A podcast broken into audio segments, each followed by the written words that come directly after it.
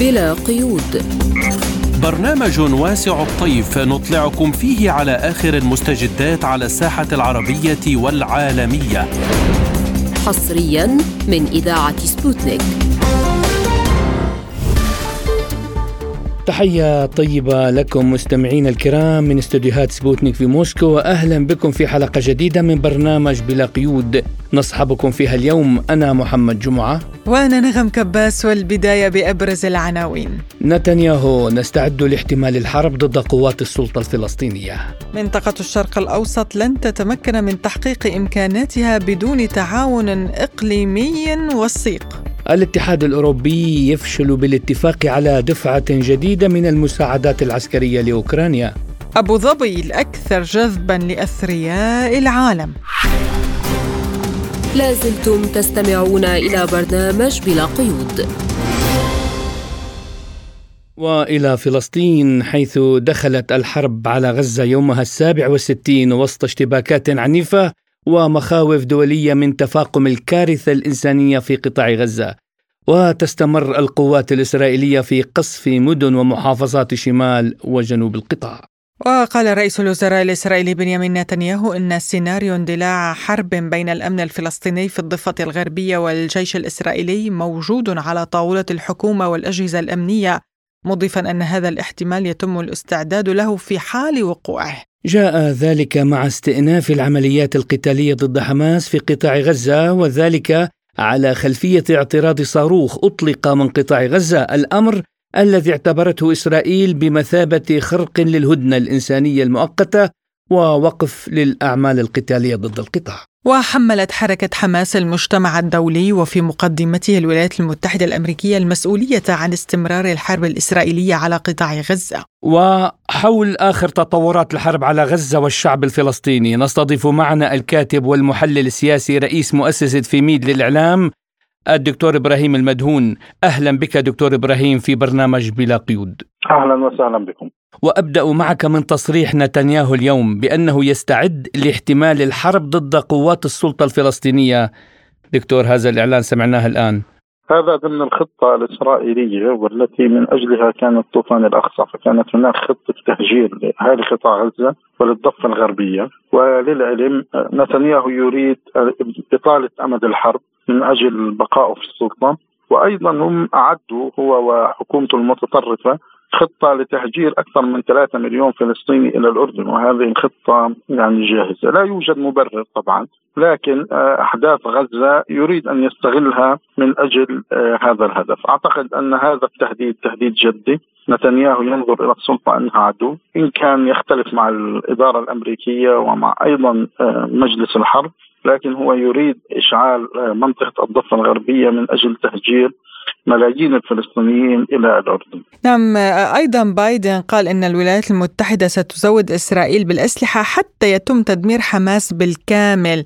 هل يعني أن هذا الصراع الإسرائيلي الفلسطيني بدأ يأخذ طابع الأزمة الأوكرانية إلى حد ما؟ يعني نفس التصريحات الأمريكية تجاه كييف؟ لا أكثر. هو الولايات المتحدة الأمريكية شاركت في بداية الحرب وحركت طائراتها وشاركت بخبرائها وبذخائرها بشكل أكثر في قطاع غزة خصوصا أن طوفان الأقصى وجهت ضربة قاسية لجيش الاحتلال فقدته السيطرة. ولهذا اليوم آه الذي يستطيع أن يحدد سياسيا آه ليس نتنياهو وإنما الولايات المتحدة الأمريكية. آه بعتقد آه أنه بالفعل الولايات المتحدة الأمريكية الآن تدعم إسرائيل كما تدعم أوكرانيا وتزيد عليها آه، خصوصا أن الواقع الآن بات صعب جدا الواقع الإنساني والواقع الأخلاقي والقيمي ومع ذلك هناك غطاء وهذا يعني أكثر أيضا من الدعم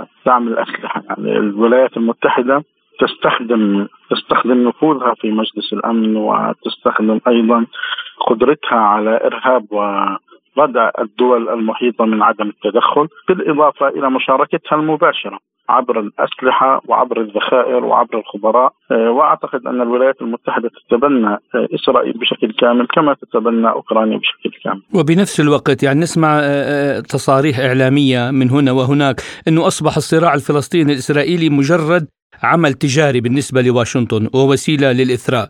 هل هكذا أصبح الصراع الفلسطيني الإسرائيلي دكتور؟ لا هي آه، سياسة الولايات المتحدة الأمريكية إدارة الصراع وليس إنهاء.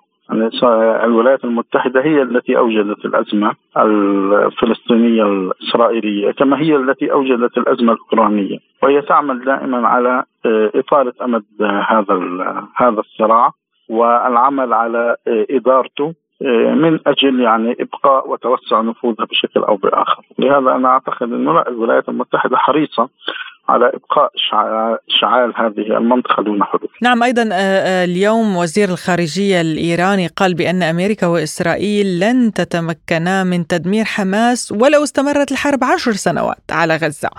يعني القوى اليوم في حماس هم جاهزون آه، بكامل قدرتهم على المواجهة الطويلة طويلة الأمد؟ وحماس من تصريحات سابقة ليحيى السنوار آه، قائد حماس في غزة قال أننا نستعد إلى مواجهة طويلة وكبيرة تستمر, من ستة أشهر إلى سنة وأعتقد أن الآن اقتربنا على الثلاثة أشهر والاحتلال الإسرائيلي فعل كل شيء دمر وضرب مقومات الحياة وقتل عشرات الآلاف ورحل ومع ذلك لا الواقع الميداني إيه، ما زال الاحتلال يستنزف يوميا. والنواة الصلبة لحركة حماس. النواة العسكرية الصلبة ما زالت تعمل بفاعلية. يعني حتى أمس هناك أو حتى اليوم هناك العديد من العمليات التي تم تنفيذها وبالأمس تم عرض يعني مشاهد جديدة باستهداف الآليات وقنص الجنود وأيضا آه، ومقاومة يعني أعتقد أنها قوية. آه، ولهذا آه، ربما يكون هناك مبالغة في موضوع عشر سنوات لأن هذا الشعب الفلسطيني اليوم محاصر مختلف عن أوكرانيا.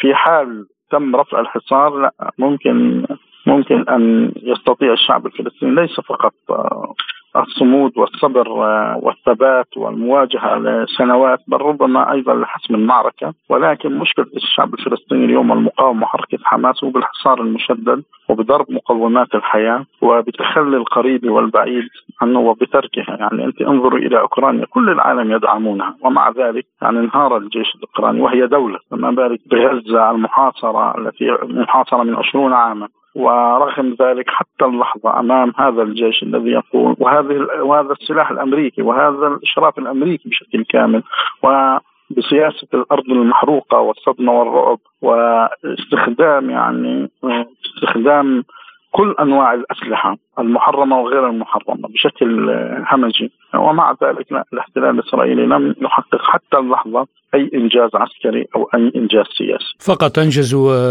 مقبرة للأطفال. آه، دكتور يعني من المتوقع أن تجري مفاوضات بين حماس وإسرائيل حول صفقة الأسرى الجديدة الأسبوع المقبل. ما هو احتمال أن تتمكن أطراف النزاع من الاتفاق مرة أخرى على هدنة مؤقتة على الأقل؟ حماس الآن ترفض الهدنة المؤقتة إذا أرادوا آه، الذهاب إلى عملية تفاوض حول الأسرى فيجب وقف القتال بشكل كامل والبدء بحوار جدي وحوار وحوار شامل يشمل الأسرى وغير الأسرى نعم يعني أيضا وزير الدفاع الإسرائيلي قال أن حركة حماس في غزة على وشك الانهيار. هل تعتبر هذه التصريحات هي محاولة إسرائيلية فاشلة لإضعاف معنويات الشعب الفلسطيني؟ لا هذه حرب أو بروباغندا إسرائيلية يقوم بها يعني منذ بداية الحرب. يعني هذا التصريح تكرر منذ أول يومين في الحرب وإلى اليوم. لكن آه، الإعلانات المستمرة عن العمليات آه، وعدد الجنود والإصابات والخسائر الإسرائيلية المتزايدة كله آه، أعتقد أنه آه، يعني لا يكذب مثل هذه التصريحات.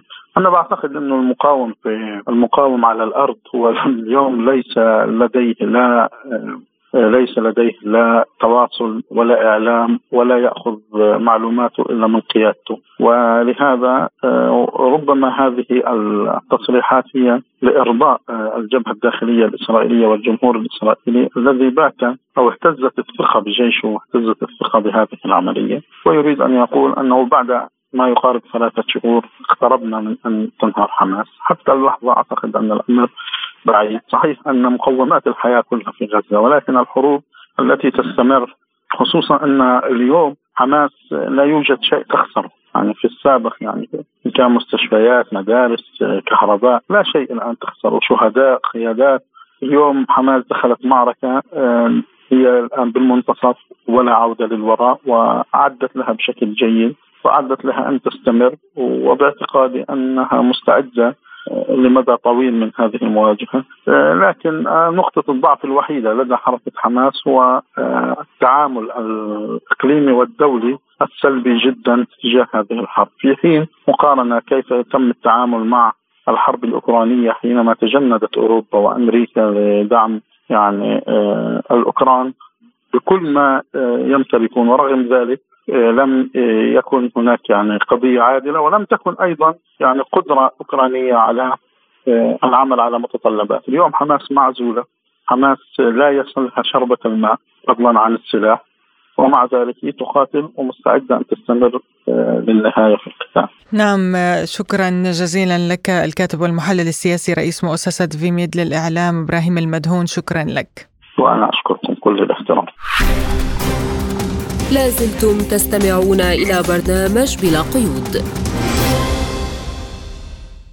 ونبقى في الشأن الفلسطيني حيث قال رئيس الوزراء الأردني بشر الخصاونة إن منطقة الشرق الأوسط لن تتمكن ابدا من تحقيق إمكاناتها ولن تكون هناك فرصة لتحقيق تعاون أو تكامل إقليمي وثيق إذا لم يتم تنفيذ قرار إنشاء الدولتين المستقلتين على أراضي فلسطين التاريخية. وفي حديثه عن الاتفاقيات الثنائية بشأن الاعتراف بإسرائيل من قبل عدد من الدول العربية بما في ذلك الأردن، أشار رئيس الوزراء إلى أن نطاق تنفيذ اتفاقيات السلام الثنائية سيكون محدودا بشكل واضح معربا عن أمله في أن يكون الوضع المتدهور الحالي في فلسطين بمثابة دعوة للاستيقاظ للعودة إلى القضية الأساسية وإحراز تقدم ملموس لحل المشكلة الأساسية من خلال التوقف عن إنكار الحقوق الفلسطينية. وللحديث أكثر حول هذا الموضوع ينضم إلينا من عمان المحلل السياسي والخبير بشؤون الشرق الأوسط الدكتور رامي الدباس. أهلا بك دكتور رامي ببرنامج بلا قيود. وأسألك لماذا الآن بدأ الأردن يتبنى موقفا تصعيديا وتحول واضح في الخطاب السياسي اتجاه الحرب في غزة؟ أنا بدي أوضح إنه الأردن بلد تلتزم بكلمتها، بلد تلتزم بكلمتها وبلد تلتزم بالمعاهدات، يعني أن تقول إسرائيل دولة الكيان الصهيوني أن الأردن هو وطن بديل للفلسطينيين هذا غير مقبول، فلسطين معروفة هي فلسطين، ومع ذلك جاء الكيان الصهيوني وجاء الصهاينة. واحتلوا فلسطين وطردوا أهل فلسطين ومع ذلك استقبلناهم وهي ببلدهم الثانية. وقعنا على معاهدة السلام لأن الأردن لا تقوى على مجابهة دولة مدعومة من الصهيونية العالمية. جبرت على معاهدة. لم تستفيد من هذه المعاهدة. قالت هذه المعاهدة فلسطين هي عاصمتها قدس الشرقية ودولة الكيان عاصمتها قدس الغربية أو تل أبيب كما يعرف. لكنها تتبنى موقف عدائي. دولة الكيان أيضا قامت بقتل أهالينا في غزة وقامت بقتل الشيوخ وقامت بقتل النساء والأطفال. وأغلب الضحايا في غزة هم من المواطنين المدنيين وليس من حماس. حركة طوفان الأقصى قامت ب كما كما يقال يعني بالاطاحه بالميزانية الصهيونية وبجيش الدفاع الصهيوني. وهي تريد الآن إسرائيل أو الكيان الصهيوني تهجير أهل غزة من أهل غزة إلى سيناء وهذا يرفض. الرئيس المصري المشير عبد الفتاح السيسي أيضا يرفض الوطن البديل في سيناء. يعني كل المعطيات تدل أن الكيان الصهيوني يريد إما تهجير أهل غزة يا إما إبادتهم. حتى الموقف العالمي الدولة التي تدعم الكيان الصهيوني الدولة الأولى عالميا التي هي الولايات المتحدة الرأي العام في الولايات المتحدة ضد هذه الحرب. هل الأردن مستعد لمواجهة تحديات الحرب على غزة برأيك؟ الأردن لو بيدها لو بيدها تحرير فلسطين ستحررها. لكن أنا أريد أن أوضح مرة أخرى الأردن بلد بلد لديه مشاكل اقتصادية لا يوجد لديه نفط لا يوجد لديه غاز. كانت في السابق قبل الحرب السورية تشتري المياه من سوريا وأحيانا بشكل مجاني. أصبحت المشاكل والربيع العربي. يعني حتى الأردن صحيح أن الأردن بلد مستقر آمن لكنه تأثر بالربيع العربي أو كما يقال الربيع العبري الذي دمر ليبيا ودمر سوريا ودمر العراق ودمر كافة هذه الدول. وتأثر اقتصاديا ولا يستطيع المجاوره لأن الأردن بلد لوحده. يعني من سيساند الأردن؟ لا أعتقد أن أحدا سيساند الأردن في هذه الحرب. لذلك الأردن تستخدم الحل الدبلوماسي. وهل أصبح الحل المتمثل في إنشاء دولة فلسطينية ممكنا الآن نظرا لتصاعد حدة القتال؟ دكتور برأيك؟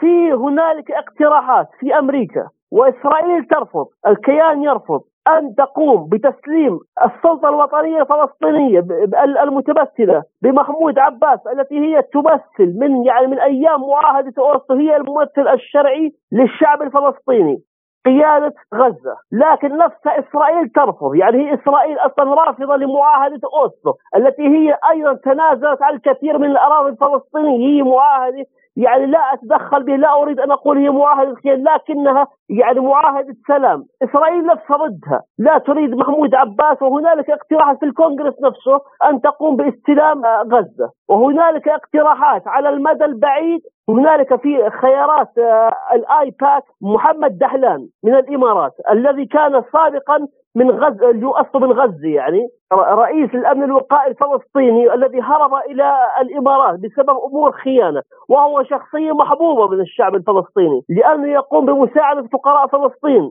ومع ذلك هو مرفوض من الناحية الإسرائيلية، إسرائيل تريد إما الإبادة يا إما آه، الوطن البديل. طيب دكتور رامي يعني ما هي الإجراءات التي سيتخذها الأردن في حال آه، استمرت الحرب لمدة طويلة؟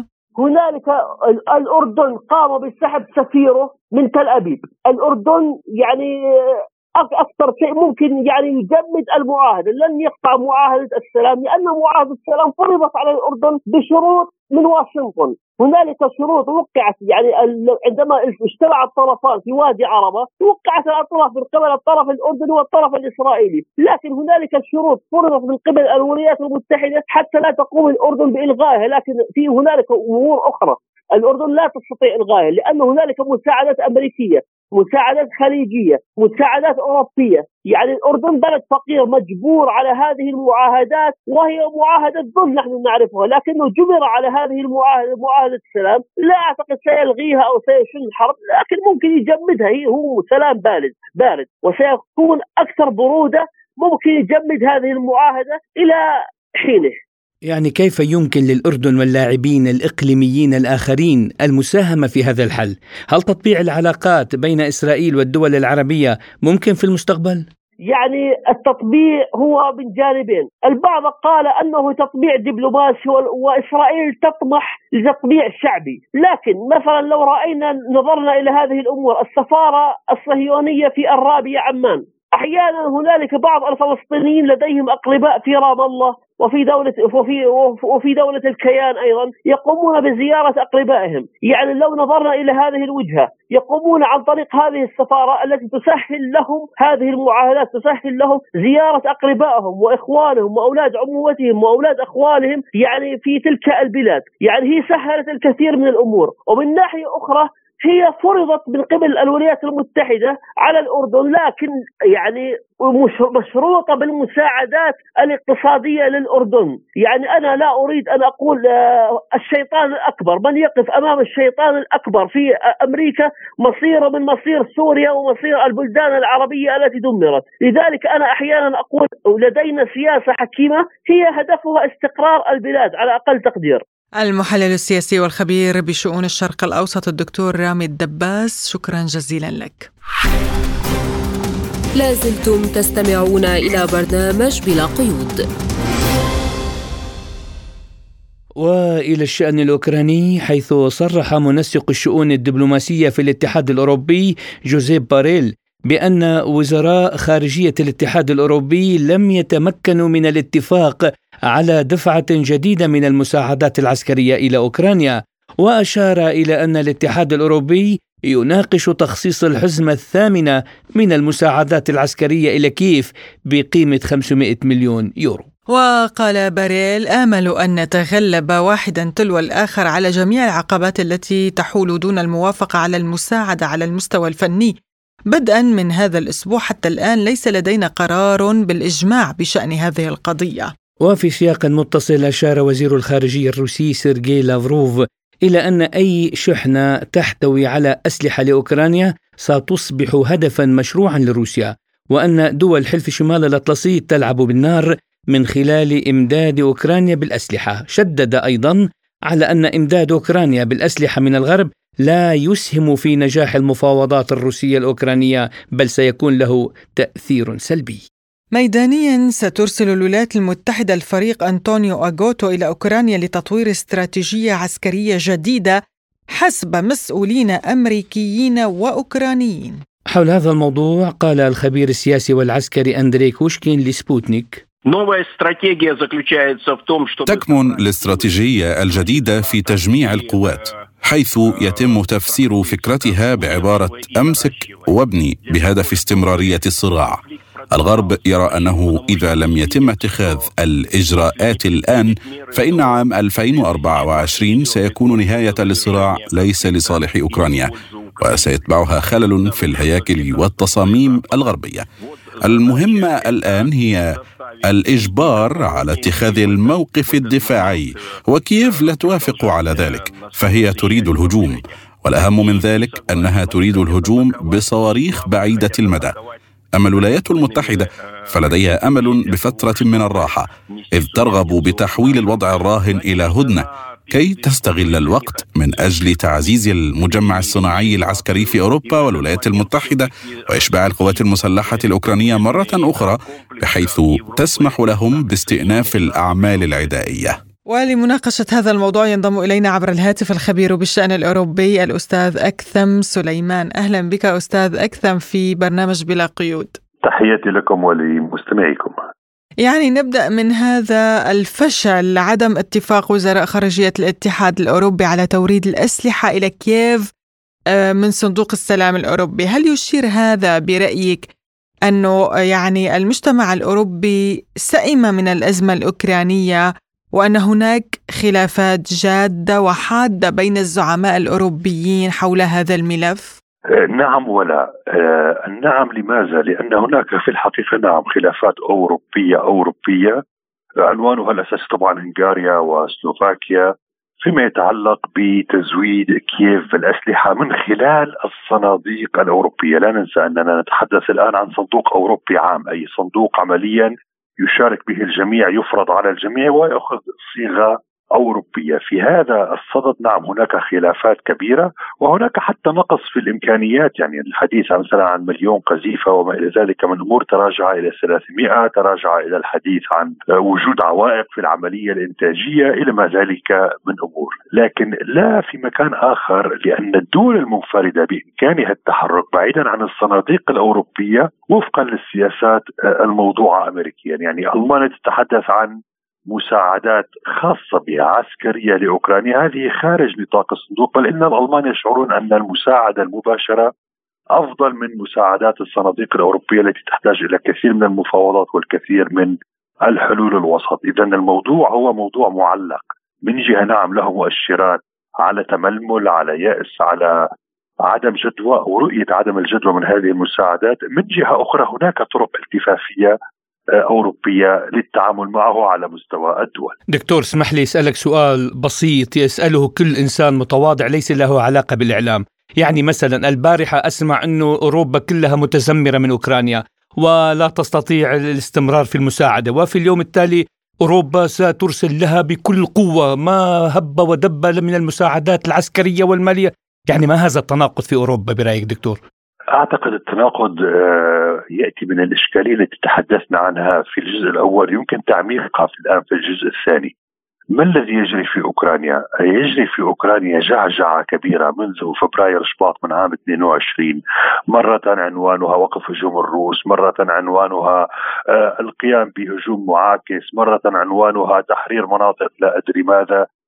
على أرض الواقع هناك شيء يناقض كل هذه الأقوال فيصبح عمليا العمل الإعلامي أو العمل الدعائي إن شئت في هذا المجال عمل متناقض. يوم تخرج نعم تماما كما ذكرت تصريحات أو آه، مؤشرات على التململ والتعب واليأس وفي اليوم التالي تاتي تعليمات إلى مكاتب العلاقات العامة في الوزارات في المؤسسات بأن لا اخرجوا بتصريحات تثبت أننا ثابتون على موقفنا وإذا كن كان الروس يراهنون على تعب أوروبا كما قال جوزيف بوريل فإن هذا الأمر لن يحدث وما إلى ذلك من امور وكأن القضية هي قضية تصريحات بينما القضية في جوهرها هي قضية واقع على الأرض والواقع على الأرض سواء ميدانيا في أوكرانيا وسواء اقتصاديا في أوروبا لا يشي بكثير من الإمكانيات في الدعم الأوروبي لأوكرانيا. نعم أيضا أستاذ اكسم صندوق النقد الدولي يقول بأنه سيمنح أوكرانيا شريحة أخرى بقيمة 900 مليون دولار. هل تساعد هذه الأموال كييف على تغيير الميدان علما أنه يعني المليارات السابقة لم تساعدها على أي شيء ولا تحقيق أي شيء ويعني وسائل الإعلام الأوكرانية أصبحت آه، تعترف بنفاذ وسائل تمويل الصراع. الاتحاد الأوروبي في الفترة الماضية وصلت مساعداته لأوكرانيا إلى أكثر من 27 مليار، الجانب الأمريكي يتحدث عن أكثر من 40 مليار دولار في الحالة الأمريكية، وكل هذا لم يؤدي إلى نتيجة على الأرض أو أو غير الأرض، لكن كل ما ما هنالك أنهم يحاولون القول إنه لولا هذه المساعدات لكان الوضع أسوأ بكثير. الآن بالنسبة لصندوق النقد الدولي وهو صندوق النقد الغربي الحقيقة والأموال التي يقدمها هذه ليست أموال أصلا لتعزيز الجبهة أو العمل العسكري بهذا المعنى لكن علينا أن ننتبه إلى أمر أهم. لديك سلطة في كييف مفلسة فعليا. يعني مفلسة ميدانيا لم تصل إلى شيء مفلسة سياسية ليس, ليس لديها أي أفق وأي تحرك يعول عليه لكن لديها موظفون لديها عسكريون لديها آه الأنصار كل هؤلاء يتوجب تمويلهم والتغطية على حقيقة أن دولة أوكرانيا أصبحت دولة مفلسة. يعني حتى لو توقفت الحرب الآن فهي دولة مفلسة. دولة تشكل عبء على أي من يقترب أي أحد يقترب منها سواء اتحاد أوروبي أو غيره في الفترة القادمة. من خلال هذه الملايين أو مئات الملايين سيتم ستتم تغطية هذه الأمور سيتم تغطية ستتم تغطية هذا المنحى من القضية أما فعليا أوكرانيا غير دافعة غير قادرة حاليا لا على دفع أجور موظفيها ولا على تمويل جيشها بالمعنى الحقيقي للكلمة دكتور يعني مع هذا اليأس والإحباط والأسى التعاني منه أوكرانيا بشكل عام آه، لا يستبعد طبعا تنفيذ أي استفزاز آه، حتى باستخدام عامل حربي كيميائي كما ذكرت اليوم وزارة الدفاع الروسية. برأيك دكتور كيف تنوي روسيا وقف مثل هذه الاستفزازات إذا ما حدثت؟ أعتقد أن الخطة الروسية هي دائما في حرب المعلومات ما يسمى بحرب المعلومات أي استشراف الأمر قبل وقوعه لأن وقوع مثل هذه الأمور بين قوسين اعلاميا يجعل من الصعب التعامل معها لأن رد الفعل لدى الرأي العام رد الفعل يكون شبه غريزي كما كما يقال. لذلك الروس تلاحظ أنهم ينبهون إلى أمور بذاتها دائما قبل حدوثها سواء تحدثنا عن الملف الجديد الآن دعنا نسميه ملف الكيماوي المحتمل وسواء تحدثنا عن الملف النووي ومحطة زباروتشا في حينه وما إلى ذلك من ملفات. دائما كان الجانب الروسي ينبه سلفا في إشارة إلى الجانب الآخر أن لدينا من المعلومات ما يكفي لفتح الأمر فالأفضل ألا يقع هذا الأمر أقصد بالمنحى الإعلامي أو بالمنحى الفيزيائي الحقيقي على الأرض تنفيذ الاستفزاز. وهذا تكرر كثيرا بالمناسبة منذ شباط فبراير من عام 22 دعنا نصنف هذا كله في إطار الحرب الحرب المخابراتية وحرب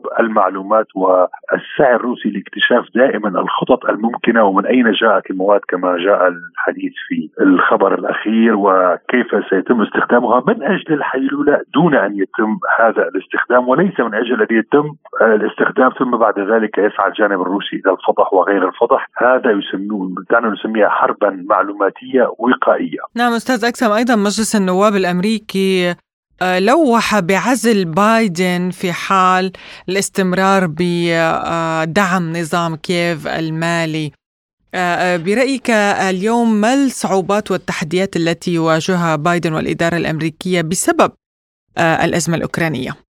ليس سرا أن بايدن جعل الأزمة الأوكرانية ملفه الأول حصلت بعد ذلك مشكلتان فرضت نفسها قضية أخرى هي التوتر القائم حاليا في الشرق الأوسط وهو يكلف الجانب الأمريكي الكثير من الأموال والذخائر والاهتمامين العسكري والسياسي. ولكن أيضا من الناحية المالية أوضاع الولايات المتحدة الأمريكية ليست على ما يرام وفي ظل وجود أغلبية جمهورية في الكونغرس هناك طبعا إعاقات لهذه الحكومة وتعرف في كل فترة هناك موضوع الميزانية وإيقاف الميزانية وإيقاف الصرف العام ونقاشات طويلة وعريضة، في هذه الأجواء كيف لبايدن أن يقنع سواء الكونغرس أو الجمهور بأن هناك إمكانية لدعم أكبر لأوكرانيا من الناحية المالية، اذا أوكرانيا تواجه مشكلتين، مشكلة أوروبية من جهة العجز الأوروبي عن تقديم المساعدات المطلوبة ولكن هناك أيضا العجز الأمريكي القائم موضوعيا بغض النظر عن رغبة بايدن أو رغبة الكونغرس هناك فعلا عدم قدرة على تمويل حروب كاملة في مختلف أنحاء العالم يعني أوكرانيا في أوروبا وحرب غزة في الشرق الأوسط وقد تندلع حروب أخرى. وصلت السلطة الأمريكية أو القدرات الأمريكية حتى المالية إلى منتهاها، البعض تنبه إلى هذا الأمر كبعض نواب الكونغرس أو الكتل داخل الكونغرس والبعض ما زال يعيش في عالم الأحلام أو عالم أدري ماذا كجو بايدن الذي يعتقد أنه بإمكانه الاستدانة وتمويل كل هذه الحروب دون أن يرتد ذلك على بلاده في الفترة اللاحقة. نعم دكتور اليوم سمعنا من البنتاغون أنهم سيرسلون ضابط رفيع المستوى إلى كيف للإشارة يعني استشارات عسكرية إلى آخره هل هذه برأيك رسالة إلى أنه آه، سيكون هناك تواجد أمريكي دائم؟ التواجد الأمريكي موجود الحقيقة على الأرض، موجود بأكثر من شكل وبأكثر من وعلى أكثر من مستوى، لكن الإعلان عن هذا الأمر ربما هو المهم، يعني الأمر بحد ذاته إرسال موظف أو إرسال مستشار أو حتى إرسال وزير ليست هي القضية، القضية في الإعلان، الإعلان يتضمن فيما يتضمن نوع من التململ، هذا يعني وهذا جرى مع الجانب الإسرائيلي أيضا. بالمناسبة سيرسلون مسؤولا امريكيا عسكريا كبيرا إلى إسرائيل الأسبوع القادم أن الأمور لا تجري على ما يرام، وأن الراعي الأكبر. لهذه المعركة وهو الولايات المتحدة الأمريكية غير راضي عن النتائج على الأرض. تلك هي الرسالة نحو سواء الداخل الأمريكي نحن نتصرف نحن نتفاعل مع الموقف أو نحو الداخل الأوكراني الذي بدأ يتململ زيلينسكي وجماعة زيلينسكي أو كإنذار لزيلينسكي أيضا وجماعته بأننا سنأخذ الأمور بيدنا. لكن لا أعتقد أنه يخفى على الجانب الروسي أن الجانب الأمريكي هو الذي يدير معركة بكاملها في أوكرانيا سواء حضر هذا الموظف أو لم يحضر. لذلك كان هناك تصريحات روسية في الفترة الماضية أن المفاوضات ستكون مع الغرب في المستقبل وليس مع بين قوسين ما اسموها الدمية الموجودة في كييف. نعم زيلينسكي أيضا انتقد الكونغرس الأمريكي لأنه لم يوافق على المزيد من المساعدة إلى أوكرانيا وبدأ طبعا باستجداء الأسلحة من واشنطن مرة أخرى. إلى متى برأيك يمكن أن تصمد الإدارة الأمريكية في وجه المعارضة المستمرة آه، لدعم زيلينسكي. يعني كل يوم هناك تصريح من برلمانيين من مسؤولين من جنرالات بأن آه، تمويل زيلينسكي لم يعد ممكنا وأنه خطأ كبير على حساب المواطن الأمريكي والميزانية الأمريكية. تماما المواطن الأمريكي والميزانية الأمريكية هما الأساس لأن مسؤولية أي حكومة وأي دولة وأي رئيس هو الحفاظ اولا على شعبه واقتصاده وقبل أن يدخل في مباحكات ومشاحنات آه، خارجية، لذلك وضع آه، جو بايدن ليس في أفضل أحواله، لا على مستوى الشرق الأوسط ولا على مستوى أوكرانيا ولا على مستوى أي ملف من ملفات السياسة الخارجية ولذلك الحديث يدل الان عن أن فرصه في الانتخابات القادمة باتت شبه معدومة ايا كان الخصم آه، ترامب أو غيره، اذا ما تم تقديمه حتى الآن تم تقديمه لكن أن تستمر هذه السوية، أن يستمر هذا الزخم هذا ما لم يعد ممكنا. وهناك سبب إضافي في هذا المنحى، السبب الإضافي الأساسي هو أنه لو كانت أصلا هذه المساعدات هذه الذخائر هذه الأمور الأخرى الكثيرة الاستخبارات معلومات الاستخباراتيه وغيرها قد جاءت بنتائج حاسمة على الأرض لكان بالإمكان المحاججة بأنه يتوجب الاستمرار كي تستمر النتائج لكن ضعي مك... نفسك مكان جو بايدن يعني عندما تريدين أن تقنعي أي جانب أمريكي داخلي أو حتى جهات خارجية أن الاستمرار ضروري سيسألك هذا الجانب من أجل ماذا؟ يعني ما هو الشيء الذي تم تحقيقه ويتوجب الآن الحفاظ عليه؟ العنوان البارز هنا هو ما سمي بالهجوم المضاد والذي تبخر قبل أن يبدأ وجعل الأمر جعل من الأمر امرا شبه مستحيل استمرار التمويل لأن دعنا نقول المفصل الميداني الذي كان يجب أن يحدث لم يحدث. فالسؤال الآن عن ماذا نتحدث؟ إذا حتى الهجوم المضاد لم يعد أحد يج يعني يجلب سيرته. يذكره طيب الذخائر التي تتجه إلى أوكرانيا من أجل ماذا؟ الأموال من أجل ماذا؟ إذا حتى الهجوم المضاد لم يعد قائما، إذا لديك مشكلة حقيقية تتمثل في أن الغرب منذ الأساس استخف بالقدرات الروسية وبالغ بالقدرات آه، الأوكرانية وبقدرته على دعم أوكرانيا لتغيير الوقائع على الأرض، عندما لم تتغير الوقائع وقع في شر اعماله، سواء تحدثنا عن العقوبات المفروضة على موسكو، سواء تحدثنا على عن المستوى الميداني العسكري في أوكرانيا، سواء تحدثنا عن إقناع دول العالم والشعوب في هذه الدول الغربية بضرورة مساعدة أوكرانيا يبقى السؤال دائما من أجل ماذا؟ نعم الخبير بشأن الأوروبي الأستاذ أكثم سليمان كنت معنا ضيفا عزيزا في برنامج بلا قيود، كل الشكر والاحترام لكم. شكرا لكم. لازلتم تستمعون إلى برنامج بلا قيود. وملفنا التالي عن العاصمة الإماراتية أبو ظبي التي أصبحت تكتسب شعبية كبيرة بين المليارديرات ونقطة جذب لهم من جميع أنحاء العالم حيث قام العشرات من أغنى أغنياء العالم بنقل أصولهم إلى أبو ظبي وإنشاء شركات ذات أغراض خاصة. وبفضل ذلك أصبح في المنطقة الحرة والمركز المالي لسوق أبو ظبي العالمي أكثر من خمسة آلاف شركة من هذا القبيل. بينما كان هناك 46 فقط في عام 2016 يلاحظ أن سوق أبو ظبي العالمي الذي افتتح في عام 2015 أصبح جاذبا خاصة في السنوات الأخيرة منذ أن لم آه، تفرض السلطات الإماراتية عقوبات على روسيا والشركات المرتبطة بها في حين شددت الولايات المتحدة والمملكة المتحدة القيود فقط.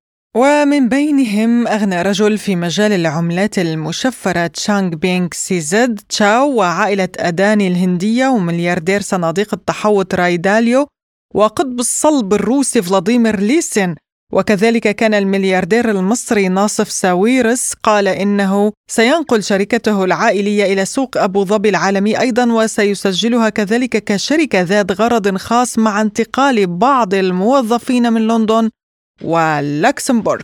للحديث عن هذا الموضوع ينضم إلينا عبر الهاتف من الإمارات السيد عبد الهادي السعدي الرئيس التنفيذي لشركة BHM Capital. أهلا بك سيدي الكريم في سبوتنيك. يعني ونبدأ من هذه الصفة التي أخذتها مدينة أبو ظبي. ما العوامل التي تزيد من نمو شعبية أبو ظبي لدى المليارديرات برأيك؟ والله شوفي ترجع هذه الشعبية لعدة عوامل.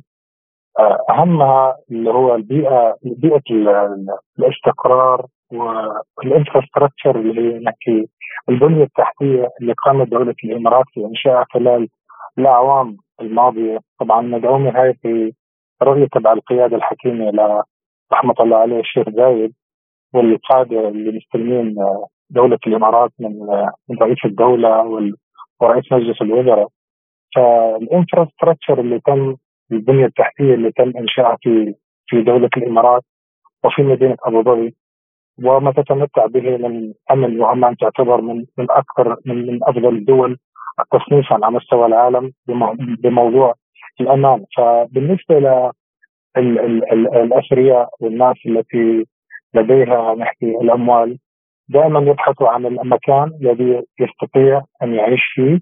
بيئة تحتضن كافة الجنسيات تحتضن كافة الأعراق والأديان آه، بدون أن يواجه أي مشاكل يقدر يعيش حياة كريمة وبنفس الوقت يقدر أن يمارس أعماله واولاده يكون في أفضل الجامعات ويكون هو يعني مفتوح البلد آه، عندك التجارة الحرة اللي موجودة بالتالي هاي كلها تعتبر عناصر جذب لأي مستثمر أو أي شخص يجد في نفسه إنه هو حابب يستقر في مكان مريح.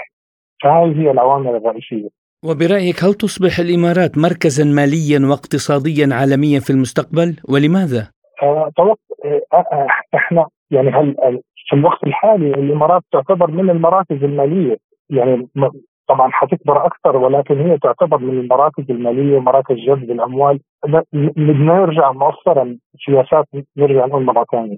الإمارات هي من أول الدول التي أخذت إجراءات احترازية على موضوع اللي هو لما صار انتشار آه، مرض آه، اللي هو كوفيد. آه، الامارات من أوائل الدول التي قامت بفتح اللي هو الاقتصاد لابتعاد كوفيد. من أوائل من أوائل الدول اللي أدت اللي كان عندها التأمين الصحي وعندها اللقاحات وكذا. من أوائل الدول التي موجودة في المنطقة اللي تتمتع ببنية تحتية مناسبة جدا للأعمال مريحة جدا من ناحية دخول وخروج الأموال إلى الدولة. مريحة جدا للمستثمرين التاكس اللي هي الضرائب اللي موجودة هي ضرائب ليست عالية. تتمتع الإمارات في بكل هذه الأمور اللي هي تعتبر جاذبة وجاذبة جدا إنها تكون مركز حتى موقعها جغرافيا يعتبر من المواقع الجغرافية اللي تشكل حلقة وصل ما بين آه نحكي أوروبا وما بين آه شرق آسيا ما بين الشرق وما بين الغرب. حتى الموقع الجغرافي لموقع الإمارات بنشوفه انه من أكثر المواقع جاذبية تعتبر حلقه وصل. وهذه طبعا نشهد في عدد الرحلات اللي عم بيزيدوا عدد الزوار اللي عم بيصيروا عم بيمروا عن طريق مطارات دولة الإمارات العربية المتحدة. نعم أنا متأكد إن شاء الله في القريب العاجل حنشوف طبعا السياسات الحكيمة اللي كنت بنيها وتطور أسواق الدولة والتطورات اللي عم بتصير والرغبة اللي هي طبعا من عند اللي تنبع من القيادة إلى أصغر واحد في الدولة الكل مخلص والكل يعمل بكل جهد لأنه جعل دولة الإمارات من من كبار أو من مصافي دول التي تجذب الاستثمارات وتكون مركز مالي على مستوى عالمي. نعم سيدي الكريم يعني هل شهدت أبو ظبي زيادة في الاستثمارات الروسية في الآونة الأخيرة؟ طبعا شهدت مش بس فقط أبو ظبي كل دولة الإمارات وأبو ظبي خاصة نرجع ونقول الإمارات تتبع سياسة مرنة سياسة معتدله ترحب في الجميع مفتوحة على الجميع. أي شخص يريد أن يقوم بعمل شرعي من دولة الإمارات يوجد كل ما يحتاجه من ناحية الأمان من ناحية البيئة تبعت العمل التي توفرها الدولة. الطاقة، مصادر الطاقة، التعاون، دائرة التنمية الاقتصادية، كل الجهات التي تعمل في دولة الإمارات هي تعمل لخدمة أي شخص راغب في أن يقوم بالعمل أو يقوم بالاستثمار أو يقوم حتى في السكن، تعتبر دولة الإمارات معظم الناس التي يعني تعيش برا آه، عندها بيت ثاني موجود في دولة الإمارات يعتبروها كأنها المنزل الثاني لهم موجود دائما في دولة الإمارات تتمتع حتى في موضوع الطقس. إحنا إحنا الآن نحكي اجمل أجمل شتاء في العالم. أجمل شتاء في العالم تتمتع في دولة الإمارات العربية المتحدة.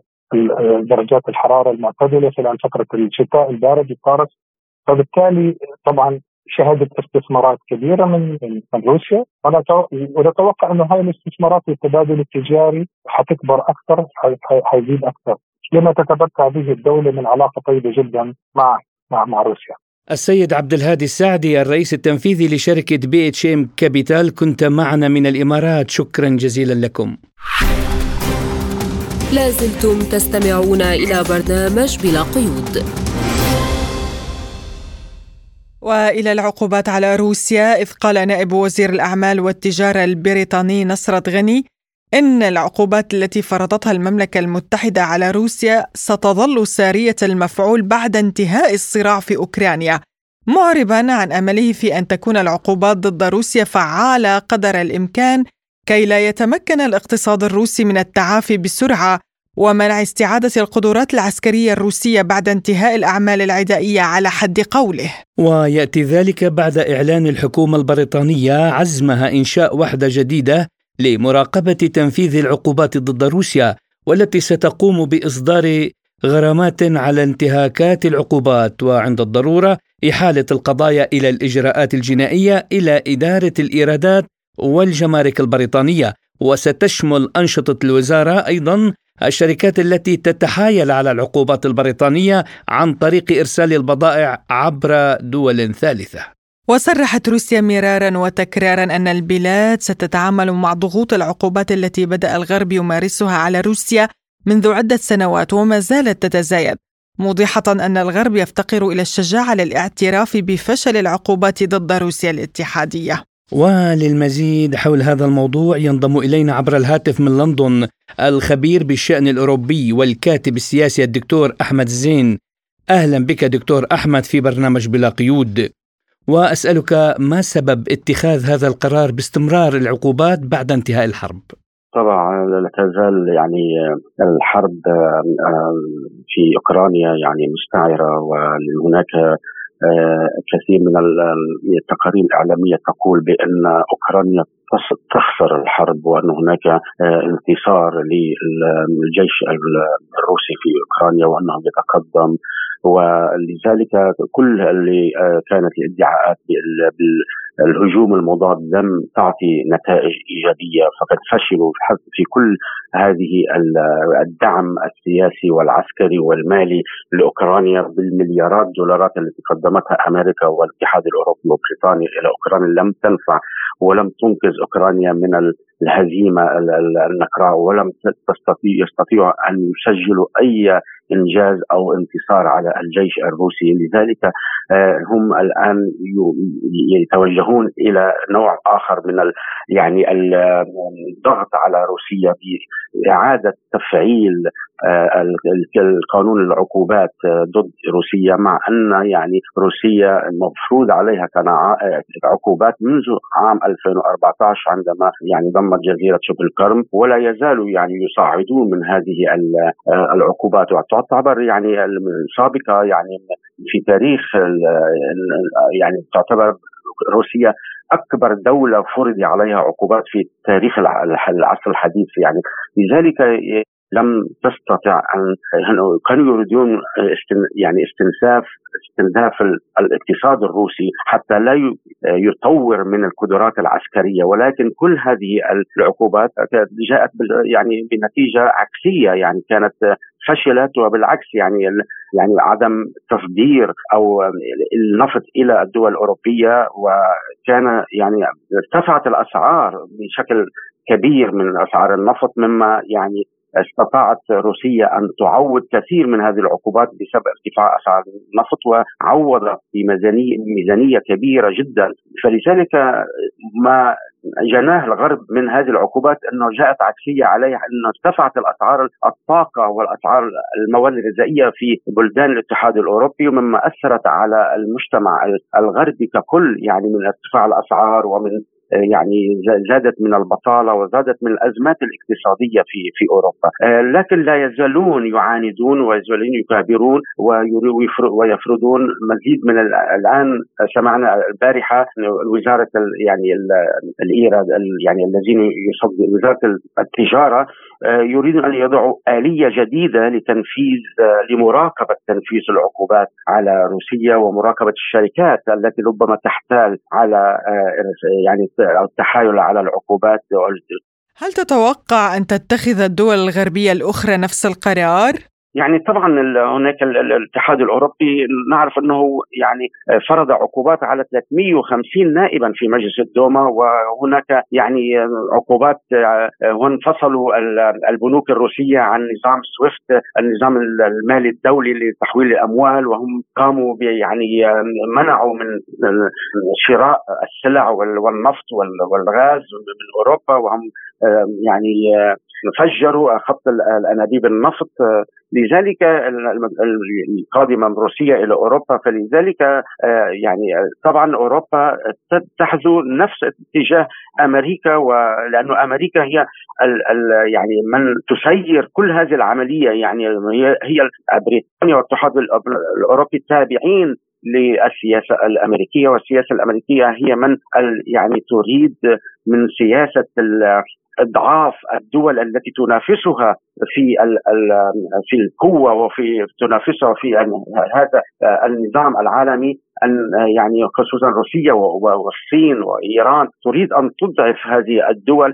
ولذلك هي أمريكا هي وراء كل هذه المحاولات محاولة فرض العقوبات وفرض الحصار وفرض استنزاف القوى العسكرية والاقتصادية للدول المناوئة لروسيا والاتحاد الأوروبي. وما تأثير ذلك على العلاقات الروسية البريطانية؟ طبعا يعني هذه يعني سيكون له يعني تداعيات أن يعني العلاقات التجارية ستنقطع العلاقات الدبلوماسية ستنقطع يعني سؤال الدبلوماسيين يعني يسحبوا من من كل دولة ستسحب من دبلوماسيها وسفرائها من من الدولة الأخرى وسيكون هناك نوع من يعني العداء ونوع من المواجهة الإعلامية والتشويه. يعني صورة يعني بريطانيا تحاول أن تشوه صورة روسيا بأن هي يعني تريد التمدد نحو الدول الأوروبية وأنها تهدد الأمن الأوروبي. وهي طبعا هذه سياسة الدول الغربية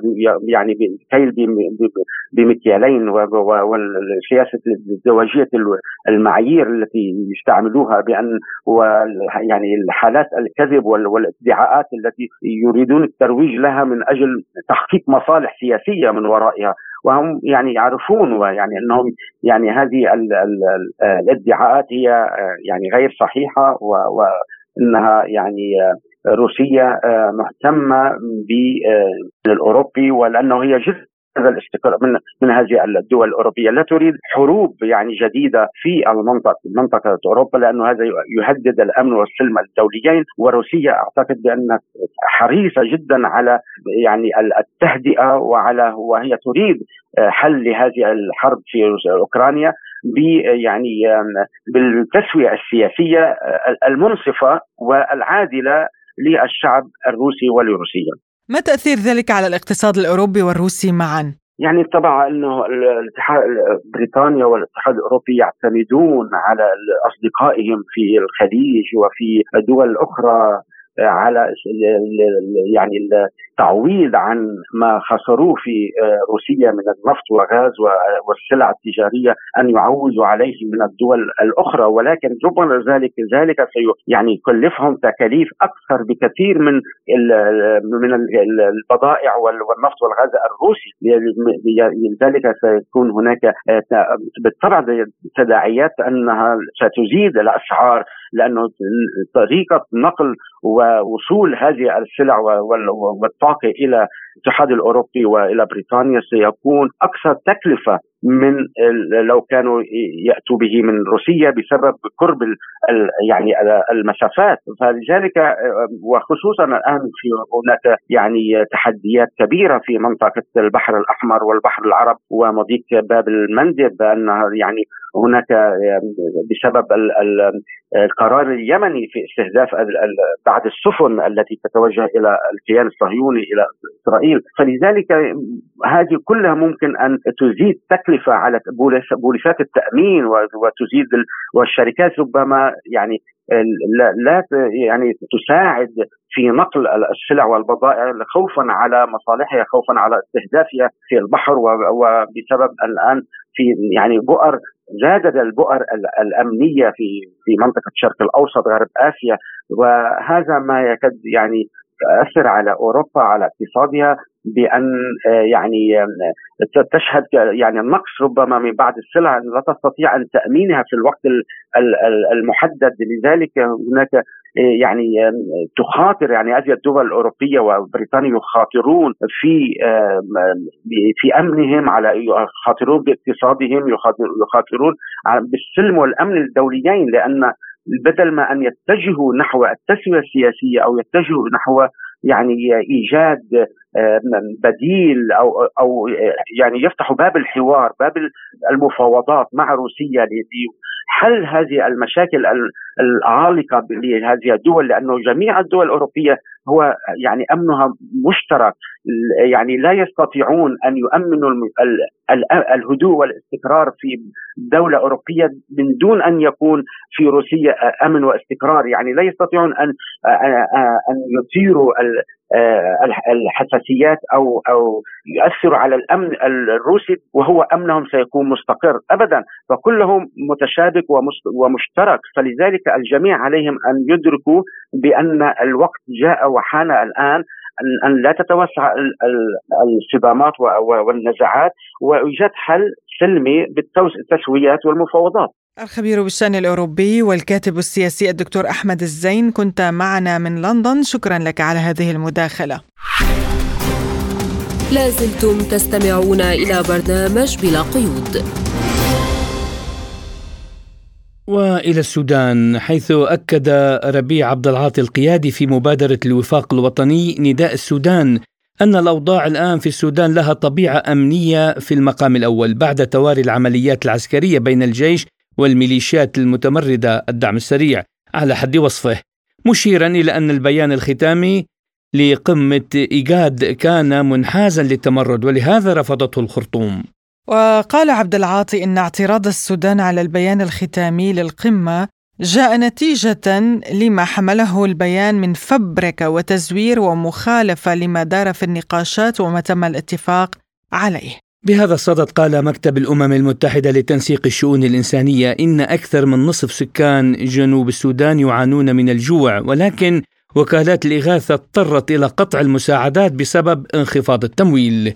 وعقدت المنظمة اجتماعا استثنائيا لقادتها في جيبوتي التي تترأس دورتها الحالية بمشاركة واسعة من ممثلين عن الاتحاد الإفريقي والأمم المتحدة ودول جوار السودان والسعودية وقطر والإمارات والولايات المتحدة الأمريكية وبريطانيا. وللحديث أكثر عن هذا الموضوع ينضم إلينا الخبير بالشأن الإفريقي والسوداني الدكتور رامي زهدي.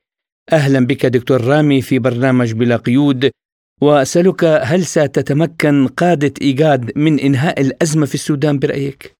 لا أعتقد بأن قادة إيجاد أو قادة حكومات شرق القارة الأفريقية سوف يتمكنون من آه، فرض حلول واقعية على الأرض لأن إيجاد منذ البداية آه، هي تعيد نفس السيناريوهات نفس الأطروحات ولم تحظى بثقة متبادلة خاصة من الحكومة الرسمية السودانية القائمة حاليا أو المجلس مجلس السيادة الانتقالي. وبالتالي ما زالت آه، ما زال تكرار نفس العرض أو نفس الأسلوب في فكرة إنهاء الحرب بهذه الكيفية. لا القدرة على إنهاء. آه لا أفترض بأن التدخلات الهشة لن تستطيع أن تفعل شيئا في أزمة بهذا الحجم في السودان.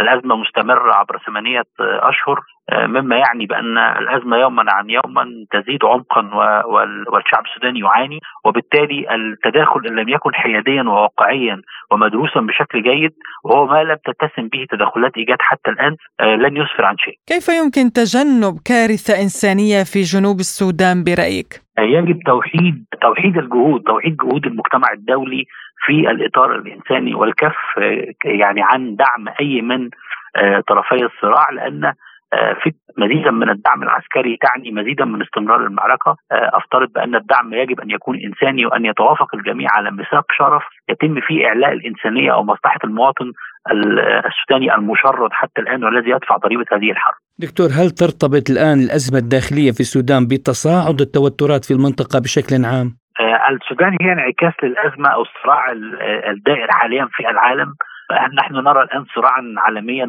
مكتوما. يعني أو أو خفي أو أو معلن بدرجات معينة ما بين روسيا من جهة أو معسكر شرقي من جهة وما بين أوروبا كلها في الإطار الآخر وبجانبها الولايات المتحدة الأمريكية ومحاوله السيطرة وفرض النفوذ أو الانتقال بالصراع إلى مناطق أخرى من العالم كان منها ما حدث في السودان وما حدث في عدة دول أفريقية في نفس التوقيت. وكالات الإغاثة اضطرت إلى قطع المساعدات بسبب انخفاض التمويل كيف سينعكس ذلك على حياة السكان الذين أنهكتهم الأزمة بالأصل؟ آه للأسف آه الانعكاس خطير جدا لأن الشعب السوداني يعاني من 30 آه منذ 30 عام وبعد الثورة السودانية عام ثم هذه الحرب وصل الأمر إلى أشد درجات المعاناة آه، هناك أكثر من 6.5 من عشرة سوداني تم تشريدهم إما داخليا وإما خارجيا وأكثر من 20 مليون سوداني يعانون من ظروف آه، صعبة طول أمد الحرب السودانية جعل العالم يفقد قدرا من الاهتمام التركيز مع الحرب في غزة ومع ملفات أخرى من ملفات الصراع آه، جعل آه، السبب يعني جعل ذلك يؤثر بشكل شديد على المواطن السوداني الذي يدفع الضريبة منفردا. وهل برأيك دكتور من المطلوب تدخل فوري من قبل المنظمات الدولية؟ مطلوب ميثاق شرف أن يتحد الجميع على آه، إعلاء آه، مبادئ الإنسانية والإغاثة والعمل الإنساني آه، قبل أي شيء، يعني أن نضع المصالح جانبا كل الأطراف المتداخلة في الصراع أن تتوقف ولو قليلا لإنقاذ ما يمكن إنقاذه انسانيا وإدارة عملية سياسية يتحكم فيها أو يديرها الشعب السوداني ذاته ليعبر عن آرائه ماذا يريد أن يفعل فيما هو قادم. هل تتوقع دكتور أن هذا آه، يكفي أم أنه من الضروري تدخل عسكري دولي للحيلولة دون تصاعد الأزمة أكثر؟ افترض بأن التدخل العسكري المباشر في هذا التوقيت يعني سوف يزيد الأمر سوءا سيفتح دائرة جديدة من مناطق الصراع ربما نرى أزمة روسية أوكرانية جديدة في في في إفريقيا لأن يعني الصراعات الدولية ستجعل الجميع يتداخل في هذا الصراع لأنها منطقة استراتيجية يتنافس عليها عليها عدد كبير من قوى العالم الخارجيه. الخبير بالشأن الإفريقي والسوداني الدكتور رامي زهدي كنت معنا ضيفا عزيزا في برنامج بلا قيود شكرا لكم.